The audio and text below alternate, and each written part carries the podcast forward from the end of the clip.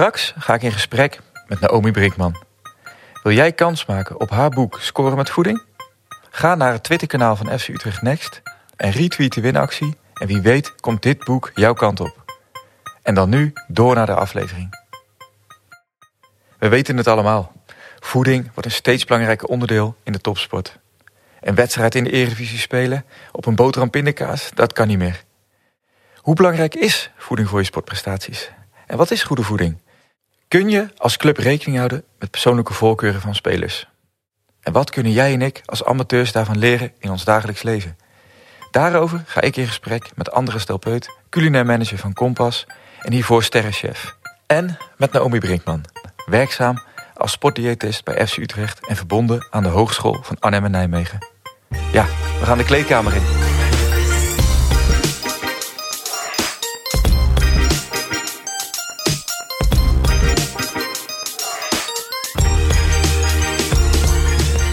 Topsport draait om iedere dag 1% beter worden. Binnen FC Utrecht werken we daar elke dag aan. Hoe we dat doen en wat jij daarvan kan leren, hoor je in FC Utrecht Next. Mijn naam is Niek Amelink, innovatiemanager bij FC Utrecht. Elke aflevering ga ik in gesprek met twee experts over belangrijke elementen in de topsport. En dat doe ik niet zomaar ergens, maar in de kleedkamer van FC Utrecht.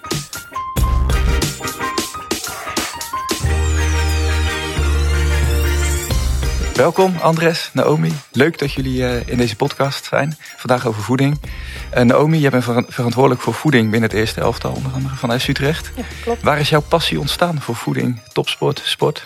Uh, nou ja, vroeger altijd al, al veel gesport. Maar ook, ja, mijn vader was, was vroeger chef-kok. En die, die kookte altijd op, op zondag. Ja, dus letterlijk met de paplepel ingegoten. Ook al vond ik dat vroeger vond ik dat echt niet leuk. Maar ja, uiteindelijk wel heel veel van, van opgestoken. Van allerlei kooktechnieken, maar ook smaken, gerechten proeven. Wat, wat mist? Hoe kun je het op smaak brengen? kruiden. Ja, en ook nu door het, veel reizen... Um, ja, op die manier heel veel nieuwe smaken leren kennen. Overal kookworkshops volgen. Uh, ja. Leuk. En um, we gaan daar straks verder over doorpraten, over jouw rol en wat je, wat je doet. Mm -hmm. Als we kijken naar de menukaart van uh, FC Utrecht, welk gerecht vindt Mark van der Marel het lekkerst? Oeh, oeh. Ja, verschillend. Volgens mij houdt hij, houdt hij wel van de, van de burrito, maar ook gewoon uh, een pasta pesto. ja, durf ik even niet zo te zeggen, wel één specifiek gerecht. Hij is breed georiënteerd uh, qua voeding. Uh, ja, ja, leuk. uh, Andres, jij bent culinair manager bij Kompas. Ja. Kompas is nu sinds dit seizoen partner van FC Utrecht. Ja. Um, wat, ja, wat is jouw rol binnen? Mijn rol is culinair manager binnen Kompas Nederland. dus verantwoordelijk voor de culinaire invulling voor, voor heel veel locaties. Uh, ook veel betrokken bij, ten, bij verkooptrajecten, tendertrajecten. Maar ook uh, afgelopen weekend een wedstrijd mee moeten doen voor Kompas Global in Oslo. Dus eigenlijk heel, heel erg breed inzetbaar. En op je 27e sterrenchef, ja. is, ben je dan ook topsporter? Ja, zeker. Al de, de jaren daarvoor eigenlijk al. Dus je werkt bij... Werkte toen bij Parkheuvel daarvoor, bij de Marinhof. De ene drie sterren, de andere twee keer één ster onder één dak. En toen... Een gegeven moment begin je voor jezelf en dan is dat eigenlijk de manier van werken die je gewend bent. Dus dat, uh, en uiteindelijk dan, dan wordt het op die manier beloond. En uh, ja, dan ben je nog heel jong. Dus in ieder geval de passie, die zat er eigenlijk altijd al in, wat, wat koken betreft. Ja. Naomi, zijn ook, de voetballerij soms ook best wel een beetje conservatief. En er wordt er wel eens naar uh, ja, gelachen om uh, psychologen, data, voeding. Hè? Want vroeger was dat allemaal niet nodig. Mm -hmm. Toen deden we, uh, waren we postbode, broodje pindakaas, gingen we voetballen. waarom is voeding essentieel in, ja, in 2022 voor voetballers? Nou, als je kijkt ook naar, naar hoe het spel zich heeft geëvalueerd over de laatste jaren... is het veel intensiever geworden. er wordt veel meer van de voetballer gevraagd...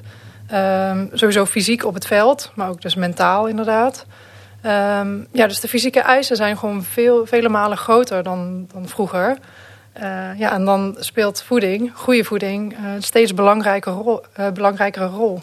Ja, dus dat tempo, de snelheid van het spel, dat ja. vraagt zoveel van ja, het lichaam. Ja, ook, ook het, het, aantal wedstrijden neemt, neemt maar toe. daar hoor je voetballers nu ook over klagen... dat eigenlijk het wedstrijdschema gewoon propvol zit. ze nauwelijks rust hebben...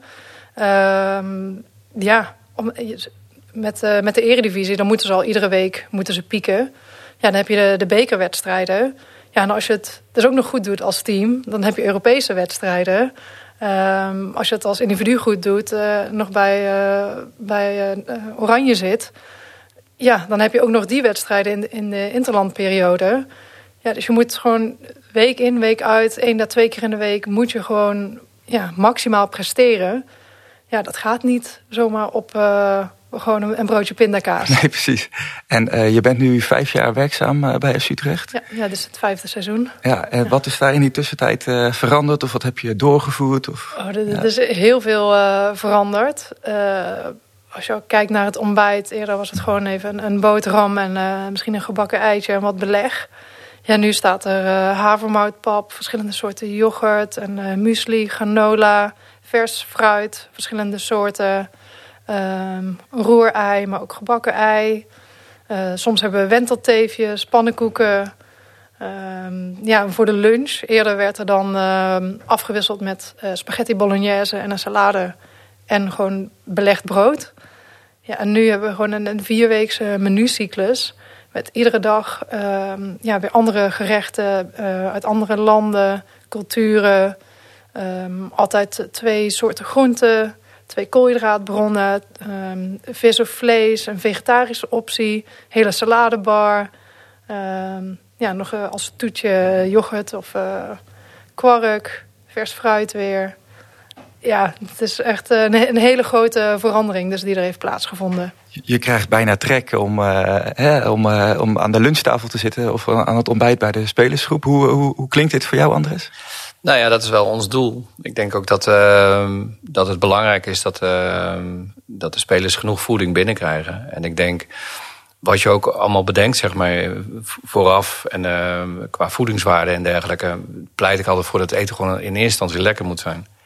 En, want wat er ook aan waardes en dergelijke in zit, wat de gedachte er ook achter is, je wil dat, dat de speler het nuttigt en dat hij genoeg energiebronnen tot zich krijgt om te presteren als het daarnaast niet lekker is, dan, uh, ja, dan, dan bereik je je doel denk ik niet. Uh, dus we, we focussen wel heel erg op een, op een cyclus zeg maar, die heel divers is. Uh, maar, en waar ook de juiste voedingswaarden en dergelijke in zitten. Door een samenwerking met Naomi. Maar bovenal ook dat ze zeggen van ja, weet je, ik vind het ook echt lekker. En dat uh, de verschillende landen en verschillende culturen ook op een gegeven moment en daarin moeten we nog, nog steeds verder groeien. Maar dat, dat die ook een soort herkenning hebben als in een thuisgevoel van uh, een rendang moet ook echt een rendang zijn. Weet je, niet uh, iets, iets wat samengevoegd is door een paar hoofdcomponenten te pakken en dan denken van daarmee dek ik hem. Maar dat je ook gewoon alle ingrediënten proeft, zeg maar, die erin horen als speler zijn. Ja, want dat hoorde ik net ook volgens mij bij jou en Omi. Hè? Dus verschillende culturen, achtergronden. Ja, hoe ga je daarmee om, zeg maar? Met uh, ja, 30 spelers in een selectie plus staf, heel veel achtergronden. Hoe, hoe pas je dat toe in een, uh, in een weekschema? Mm, nou ja, niet, niet zozeer dus in een weekschema, maar dus in een vierweekse cyclus. Ja, uh, ja gewoon heel veel verschillende gerechten aanbieden. ja, luisteren ook naar wat, wat de spelers willen. Uh, wat, wat, wat hun moeder kookt, wat ze thuis uh, graag eten. Ja, en dan op die manier kijken of de, of de kok ook zoiets kan, uh, kan gaan serveren. Of die daar dan, dan aan kan voldoen. Ja. En je zei net ook van een heel druk schema. Dus zo'n wedstrijden, bekerwedstrijden. Zit er dan ook nog ja, verschil in voeding wat je voor een wedstrijd, na een wedstrijd eet? Ja, ja zeker. Um, ja, na, na een wedstrijd toe ga je vooral focussen op koolhydraten. Dus uh, pasta, rijst, uh, brood, havermout, dat soort dingen. En na afloop van een wedstrijd... er wordt vaak gezegd, ja, alleen maar eiwitten... of eiwitten zijn het belangrijkst. Maar uiteindelijk, um, ja, met 90 minuten voetballen... tuurlijk, je hebt al wat spierschade opgelopen... maar je brandstoftank is gewoon echt leeg. dus er moet een goede, goede herstelmaaltijd komen... die, ja, die alles bevat... Dus zowel koolhydraten als voldoende eiwitten. Uh, ja, dus ook uh, kijk je naar de, verschillende soorten koolhydraten. Dus voorafgaand van de wedstrijd wil je vooral witte koolhydraten hebben, dus weinig vezels. Uh, en na afloop, ja, afhankelijk van uh, hoeveel tijd er tussen zit tussen de twee wedstrijden, kunnen we ervoor kiezen van serveren we nu volkoren granen, dus, dus heel veel vliesrijst of volkoren pasta. dat doen we als, als we bijvoorbeeld een, een week later pas weer een wedstrijd hebben. Maar ja, moeten ze snel herstellen. Hebben ze twee, drie dagen later weer een wedstrijd. Dan is het ook gewoon weer puur echt witte koolhydraten. Ehm, Ja, dus dan ja, blijf het je bij wordt de... sneller opgenomen. Het is makkelijker verteerbaar. Makkelijker een grotere hoeveelheid van binnen te krijgen. Wat zijn voorbeelden van witte koolhydraten? Ja, wit brood, witte pasta, witte Ja. rijst. Ja. Ja, ja een volkoren dingen. Of, ja, zilvervliesrijst, volkoren pasta, Ja. volkoren brood. Dat zijn... eh, Dus bij eh, veel, veel wedstrijden in één week, dan zal het vooral daar blijven. En dan dus eh, ja, kun je dat witte, aanpassen. naar... Witte koolhydraten, ja. Ja. Dus in de, in de 36 uur naar een wedstrijd toe, dus eigenlijk al dag voor de wedstrijd, eh, beginnen we al met die witte koolhydraten. Ehm, ja, dan bieden we vaak iets van risotto aan, gnocchi en, en pasta pesto. En sowieso geen aardappel. De aardappel bevat in verhouding heel veel, heel veel water, weinig koolhydraten. Dus eh, stel je moet eh, eh, 250 gram eh, pasta of rijst eten. Voor diezelfde hoeveelheid koolhydraten moet je echt wel 500 gram aardappel eten. Dus, eh, ja, Eh, ja, dus daar, daar letten we ook op. eh, En daarin is het nog wel sleutel ook. Ja, inderdaad, als je als voorzet een, risotto doet... waar je normaal ook op het laatste punt nog- nog roomboter erin doet... en veel parmezaanse kaas om hem lekker te maken. Maar in dit soort gevallen moet je er inderdaad wel een beetje voor oppassen. Eh, Dat het in mindere mate is. Dus dat het met name om die witte koolhydraten gaat. ja, er wordt wel inderdaad iets van kaas toegevoegd. Ja. Maar niet eh, zoals die eigenlijk moet. Nee, exact. Niet dat het helemaal vloeibaar is van, Ja, eh, van de vetstoffen. En, en Andres, als, eh ja, als sterrenchef, dan, dan ben je maar met één ding, of niet met één ding, maar dan, dan gaat het over dat het product zo lekker mogelijk is. En natuurlijk ook gezond. En Ja. hier vraagt toch iets anders, denk ik, eh, bij topsporters. Eh, ja, wat voeding is ook echt een middel, zeg maar, om, eh, Ja. om gewoon te kunnen presteren. Hoe is dat verschil voor jou? Nou, is super, super interessant zelfs. Want dat, ehm, eh, het, het feit van van sterrenchef zeg maar, is, is voor mij altijd met name geweest... dat het niet bij mij om de ingrediënten gaat, om de luxe van de ingrediënten. Dus dat het per se caviar moet zijn, bij wijze van. Maar dat het meer gaat om de, de liefde en de passie die in het eten stopt. En dat, dat, is, dat is mijn al zo geweest. En eh, in, in dit traject merk je gewoon dat je ook nog een keer op een andere manier getriggerd wordt. Dat je denkt, oké, alle bagage die ik heb, als in het eten lekker maken, eh, daarin wordt nu een ander doel eh, voor ogen gezien. Zeg maar, dat is een prestatie van sporters. En daarom is nu, eh, met name zeg maar, dus ook inderdaad samen met Naomi, van dat, je, dat je gedrukt wordt in, op een manier dat je kijkt van oké, dit zijn de voedingsstoffen die ze binnen moeten krijgen. Nou ja, en als je daarna de expertise gebruikt en ervaring van die je al hebt, eh, om daar iets heel lekkers van te maken, dat, dat, dat is leuk van dit traject. En heb je in de afgelopen periode al iets van je ervaring als sterrenchef kunnen inbrengen in de menukaart van SU Utrecht? Nee, nog weinig. We hebben nu uh, sinds twee weken is de chef op de locatie, die uh, vanuit ons. Uh, wel heel veel ideeën ook. En, uh, en ook de menucyclus die we gaan bouwen, zeg maar, die, die willen we misschien nog verder uitbouwen. En misschien ook ooit zeg maar, in de toekomst voor de, voor de spelers thuis op wat voor manier te bedenken. Uh, dat eigenlijk het aanbod vanuit Kompas zo breed is. Uh, dat, je, dat, je dat, je eigenlijk een totaalpakket voorziet. Dus niet alleen op het sportcentrum of misschien in de bus. Of, maar zelfs nog breder dan dat. Ja. Is dat een issue, Naomi? Want ik kan me voorstellen dat ja, op de club, als ze daar aankomen, s ochtends, s middags zijn, uh, misschien s'avonds zijn, ja, daar heb je relatief veel controle, zeg maar, ook over wat ja, uh, spelers nuttigen. Mm. Maar dan naar huis toe of op een vrije dag, uh, is dat een issue? Ja, best wel, ja. ja. Jongens die hebben vaak geen zin om te koken of kunnen niet koken. Um, ja, van veel spelers koken de, de moeders. Koken, koken gerechten, uh, de vrouw of vriendin. Maar ja, als ze, als ze alleen zijn, ja, dan kun je ook wel afvragen of ze, of ze überhaupt wel thuis een maaltijd gaan koken. Dus ja, we hebben over de afgelopen jaren wel gekeken naar hoe we dat uh, kunnen ondervangen. Maar inderdaad, hopelijk samen met, met de Kompasgroep dat we dat, ja, dat de spelers er echt goed in kunnen gaan voorzien. Zijn er al ideeën bij hoe je dat kan doen? Het lijkt mij wel gaaf als je bijvoorbeeld, want alle tijd en energie nu steekt zeg maar, in een sportcentrum en daarin zeg maar, alle, alles voorziet wat helemaal in perfectie is. En daarna verlies je eigenlijk grip op het moment dat ze thuis zijn. En dan wordt er misschien thuisbezorgd besteld en dat soort zaken.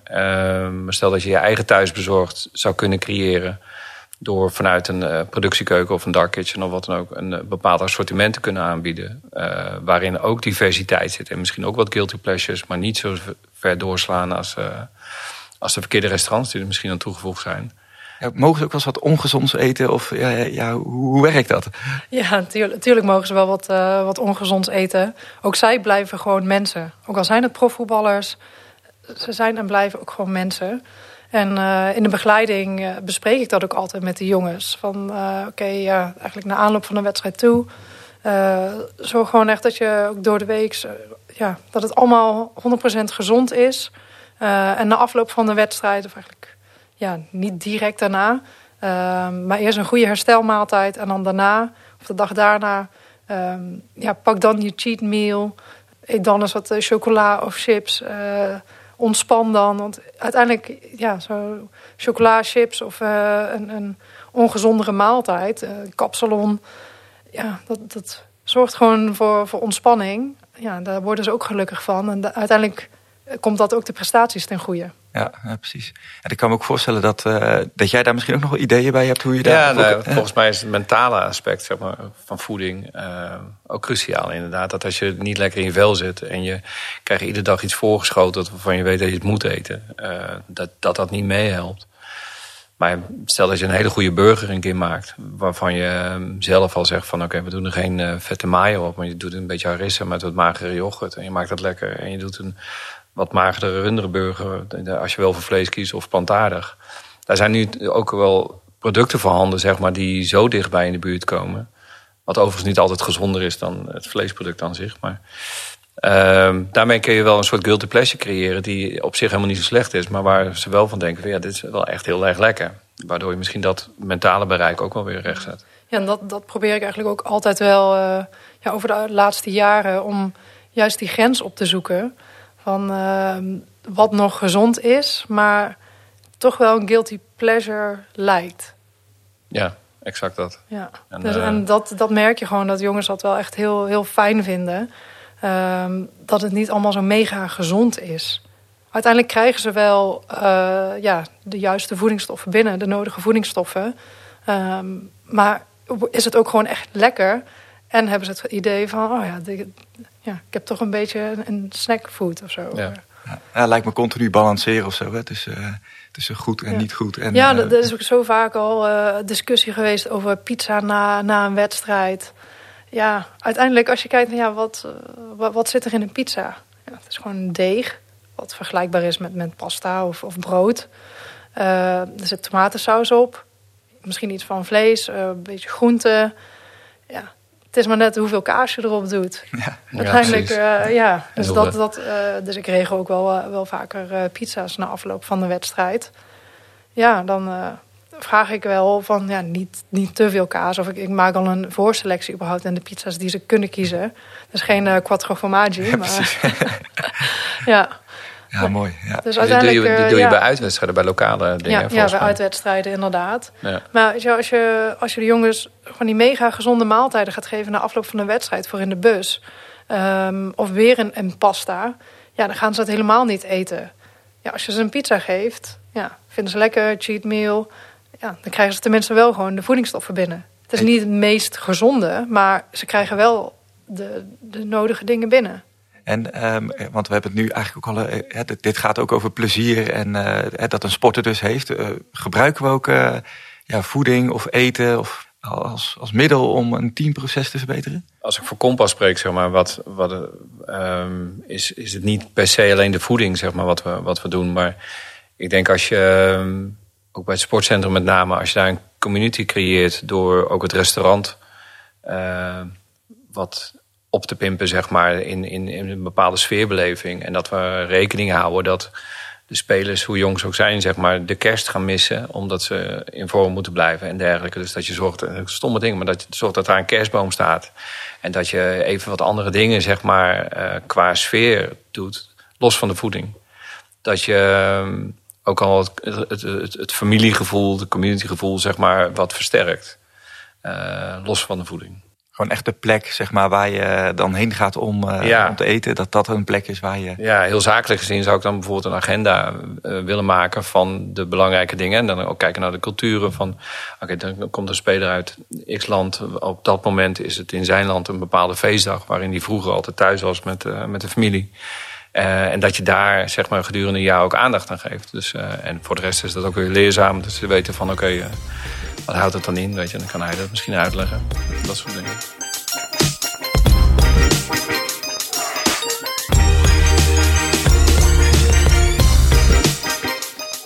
Ehm, we gaan zo meteen uh, verder praten over uh, alle trends en ontwikkelingen op het gebied van voeding. Kijken we ook naar ja, wat voeding voor jou als luisteraar uh, kan, kan betekenen.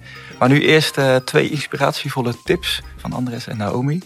Um, Andres, als jij thuis koks drie gouden tips zou moeten geven voor een gezonde sportmaaltijd of een ge gezonde maaltijd, welke drie zou je dan geven?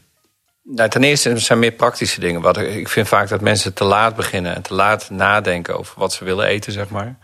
Um, iedereen is druk en iedereen heeft een carrière. En stel dat je aan het begin van de week al nadenkt over hoe je week eruit ziet, dan plan je dat ook beter in. En dan koop je waarschijnlijk ook eh, betere spullen eh, op een betere plek. Koop ze nu en dan eens een keer een kookboek. Weet je? Dus als je de Otto Lengi's hebt van deze wereld, die kunnen best wel heel leuke, inspiratie, eh, hele leuke inspiratiebronnen zijn. En pak er wat meer tijd voor en doe ook de moeite voor de boodschappen. Mooi. Naomi, als jij eh, één inspiratievolle tip hebt voor de luisteraar, een YouTuber om te volgen, een boek om te lezen.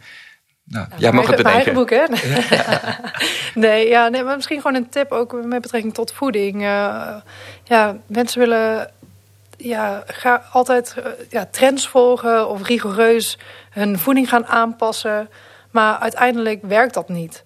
Uh, het zijn maar korte termijn uh, oplossingen om bijvoorbeeld een paar kilo's kwijt te raken. Um, ja, ga gewoon stap voor stap je voeding aanpassen. Uh, dus, dus ga bij jezelf na van ja, eet ik wel genoeg groenten? Of ja, ik wil eigenlijk minder vlees eten. Ja, ga niet in één keer van zeven dagen vlees naar nul dagen. Ja, dat, dat ga je niet volhouden.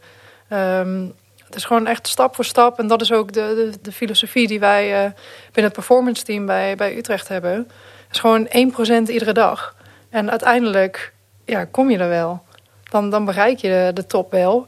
Dus ja, verander gewoon kleine dingen per keer. En op die manier, stap voor stap, um, ja, creëer je zo een, een gezondere leefstijl zonder dat het echt heel veel moeite kost. Omdat het niet zo'n rigoureuze verandering is.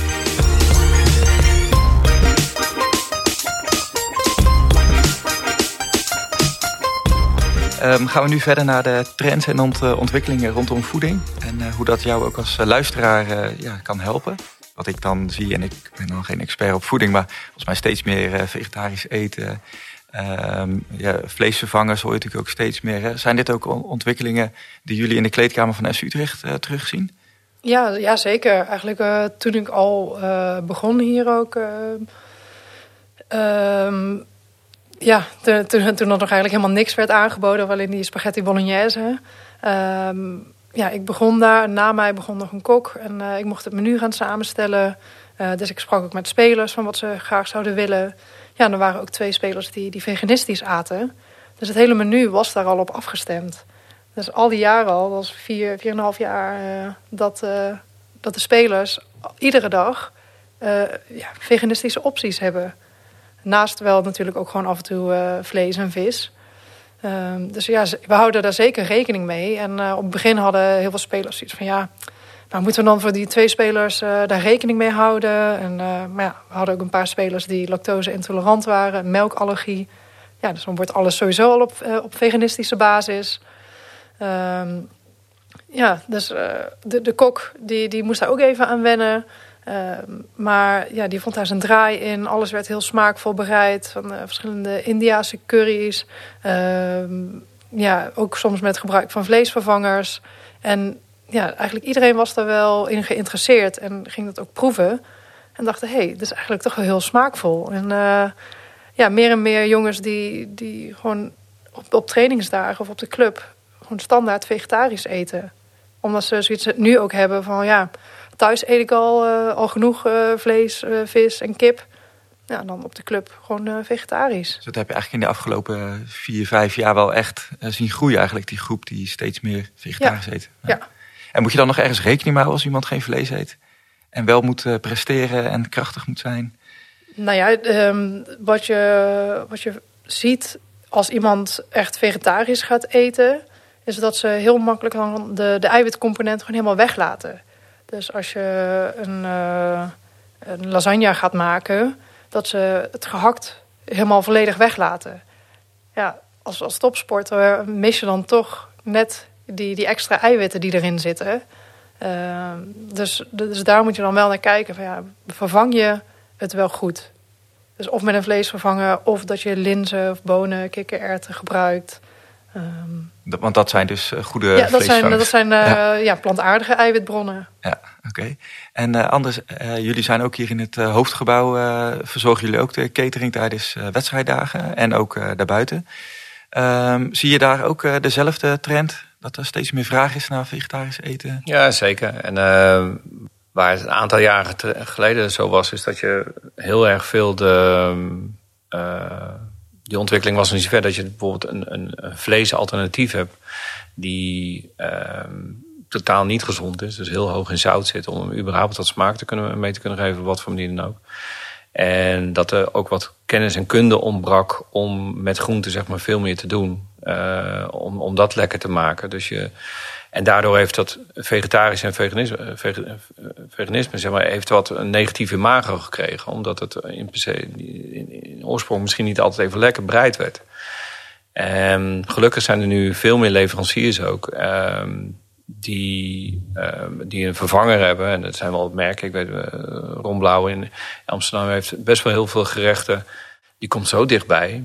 En ook qua geur. Dat je denkt van ja, weet je, het gaat wel de goede kant op wat dat betreft. Dus uh, alleen ik vind de discussie soms lastig. Van, kijk, bij voorkeur uh, als kok zijnde vind ik dat je, dat je een alternatief moet maken. Of proberen te maken van groentes. En inderdaad met, met pulvruchten en dus met, met de bonen ook. En, en dat soort dingen. En dat je daar zelf creatief mee aan de gang gaat. Om, om iets goeds neer te zetten. En niet per se iets wat vanuit een fabriek zeg maar, is samengesteld en waar per definitie niet de gezondheid zeg maar, toe doet, maar meer dat het feit dat het een, vlees- of visvervanger is. Um, en zijn er nog andere ontwikkelingen waarvan jullie zeggen, ja, dat gaan we de komende jaren echt zien uh, rondom voeding? Ja, misschien ook wel. Er wordt zoveel data verzameld, fysieke data van, uh, van die jongens. Um, ja, heel veel onderzoek wordt er gedaan naar ja, hoeveel energie kost het nou echt om uh, ja, om bijvoorbeeld die 90 minuten te spelen of ook op het veld. Uh, ja, hoeveel energie kost dat nou, zo'n training of een krachttraining? Um, dat dat misschien uiteindelijk omgezet kan worden in, uh, in de hoeveelheid benodigde koolhydraten, eiwitten, vetten. Um, dat je zo al suggesties krijgt van zoveel moet je eten of zoveel moet je opscheppen. Ja. Ik kan me inderdaad voorstellen dat een eh, box-to-box middenvelder hele andere soort uh, ja, inhoud heeft. Maar dus ook misschien wel zijn spieropbouw anders is dan een rechtsbuiten die heel veel sprintjes trekt. Dat, dat, dat je daarmee ook kan gaan spelen, zeg maar. In, uh, in ja. ja, uiteindelijk jongens, jongens weten dat wel. Uh, dus daar stuur ik jongens ook op om, om te luisteren naar hun lichaam. Te leren voelen van wat, wat, ja, wat geeft je lichaam voor signalen. en op die manier ook hun, ja, de hoeveelheid voeding af te stemmen. Is er een voorbeeldclub of, of restaurant die dat al supergoed doet? Echt dat hele gepersonaliseerde... Ja, ja en niet, uh, niet binnen het voetbal, maar uh, ja, de, de wielerploeg Jumbo-Visma. Ja, ja, dus zij, uh, en wat doen die heel erg goed daarin? Nou, zij, zij um, weten gewoon de, de wattages die, die de jongens fietsen. Hoeveel energie dat kost. En wat ze daarvoor moeten aanvullen qua hoeveelheid koolhydraten. Uh, maar ook helemaal afgestemd op uh, bijvoorbeeld in, in, de Tour de France, uh, welke etappen ze hebben. dan, dan, passen ze ook de hoeveelheid vezels aan. Dus gaan ze de bergen in, dan gaan de hoeveelheid vezels omlaag. Omdat vezels vocht aantrekken en dus extra gewicht, voor extra gewicht zorgen in de darmen. Um, maar ja, ook als je um, ja, suikers of koolhydraten worden in je lichaam opgeslagen als glycogeen. Maar aan, aan zo'n... Molecuul wordt ook twee, ja, 1 gram glycogeen wordt ook 2 gram water gebonden. Dus hoe meer je je lichaam oplaadt, dus hoe meer brandstof je gaat tanken, hoe zwaarder je wordt. Maar dat is niet ideaal voor in de bergen. Uh, dus ze, ze gaan dan echt goed afwegen van oké, uh, wat, wat heb je minimaal nodig? Uh, en dat is ook wat, wat we je gaan geven, zodat je ook niet te zwaar wordt ja, onwijs interessant volgens mij uh, om daar, uh, daar volgende stappen in te maken. Maar stel, je bent nu gewoon, uh, je fietst niet de Tour de France de komende zomer, maar je bent amateurvoetballer. speelt in een tweede klasse hier in, in de regio. Zaterdagmiddag, half drie, voetballen. Wat eet je die avond daarvoor? Ja, de, ja, de avond van tevoren zou ik zeggen iets van, van pasta of een rijstgerecht. Ehm, ja, iets grotere portie dan, dan normaal. Waarom? Uh, nou, omdat je, je wil gewoon je, je brandstoftank even aanvullen. Um, maar als je zeg twee, drie keer in de week ook nog traint... Um, en je hebt ook met die training echt alles gegeven... je bent ook best wel leeg... dan kan het echt wel drie dagen duren... voordat je brandstoftank weer volledig opgeladen is. Um, en uiteindelijk heb je ook maar ja, 60 minuten aan brandstof in je lichaam... om maximaal te kunnen presteren. Een wedstrijd duurt iets langer, hè? Ja, ja. daarom. Dus, uh, dus je moet in eerste instantie dus zorgen dat, uh, dat je brandstoftank vooraf al voldoende opgeladen is. Dus uh, de avond van tevoren ja, een grotere pasta of rijstmaaltijd. goed ontbijten, goed lunchen. En dan ontbijten ook met iets van havermout of brood, pannenkoeken. Lunchen ook weer met, met brood of pannenkoeken. Of eventueel als je, als je een warme maaltijd wilt, weer pasta. En dan witte boterhammen? Was dat? Ja, ja. Eigenlijk, als je het echt, als je het echt wel sportvoeding wil doen, ja. Uh, maar voor een amateur zou ik ook zeggen, ja. Ga dan ook wel gewoon voor gezondheid. Want uiteindelijk bij de derde helft... Ah, die wou ik erin gooien. Sorry. Ja, ja die derde helft, Andres. Ja, ja, ik denk van, je hebt wel gelijk een goede, goede bodem voor de derde helft te pakken op die manier. Dus, ja. Nou maar, ja, witbrood is heel licht verteerbaar. Ja, dus nee, dan, maar, dat, dat zal dan als het goed is al helemaal... ja, dat wordt zompig. En in de rust, want, want je zei net uh, 90 minuten of 60 minuten brandstof. Mm -hmm. uh, en een wedstrijd duurt iets langer. Wat moet je dan in de rust uh, nog iets? Ja, gewoon heel simpel. je hoeft niet per se een jelletje, maar een, een banaantje, krentenbol, een, een plak ontbijtkoek, gedroogd fruit, zoals dadels of abrikozen. En, en de derde helft, die, ja. uh, dat is natuurlijk uh, ja, binnen het amateurvoetbal vaak uh, een feest. Hè? Ja. Dus dan hoef je niet aan de maaltijden van Naomi, maar ja, dan wordt er wat anders geschonken vaak. Wat is daarvan ja, de invloed zeg maar, op herstel? Zeg maar, van, ja, als je een paar biertjes na een wedstrijd wegdrinkt, ja, wat, wat doet dat voor je herstel? Nou, nou, tot, tot twee biertjes. Eén, twee biertjes, he, ja, die hebben eigenlijk nauwelijks tot geen effect op geen negatief effect op, uh, op herstel. Maar meer dan twee biertjes, dan uh, ondervind je dus wel de nadelige effecten. Dus dat je minder goed herstelt. Omdat je lichaam uh, voorrang geeft aan het afbreken van alcohol. In plaats van het lichaam herstellen. En hoe lang herstel heb je nodig? Ja, dat hangt er vanaf. de leeftijd. Ja, ja, ja, leeftijd. Maar ook ja, heb je echt 90 minuten gespeeld. Of misschien maar een half uurtje. Uh, maar het kan wel echt uh, 48 tot 72 uur duren voordat je lichaam volledig hersteld is. Ja, dus de kans op blessures uh, wordt alleen maar groter natuurlijk op het moment dat je lichaam het alcohol moet afbreken in plaats ja, van... Ja, maar ook ja. als, je, als je weer zoveel alcohol hebt gedronken dat je niet fatsoenlijk meer kan lopen of fietsen, ja, dan... dan dat is niet best. Ik denk dat na deze podcast heel veel voetbalkantines omzet gaan missen, denk ik. Ja. nou, iedereen gewoon maar twee biertjes? Nee, nee, nee. En 0.0 is er ook, hè? Oh ja, die ook ik wil jullie bedanken, Andres en Naomi, voor deze podcast. En jullie inbreng, de interactie, de tips die ook voorbij zijn gekomen. En ik wens jullie heel veel succes de komende jaren. Ja, dankjewel. Dankjewel. En jij bedankt voor het luisteren. De volgende keer hebben we het over de invloed van slaap en sportprestaties. Het belang van voeding kende je misschien. Maar wist je dat slaap minstens zo belangrijk is? En goed nieuws. Je kan deze aflevering nu luisteren in de podcast app. Abonneer je en mis niets. Graag tot snel.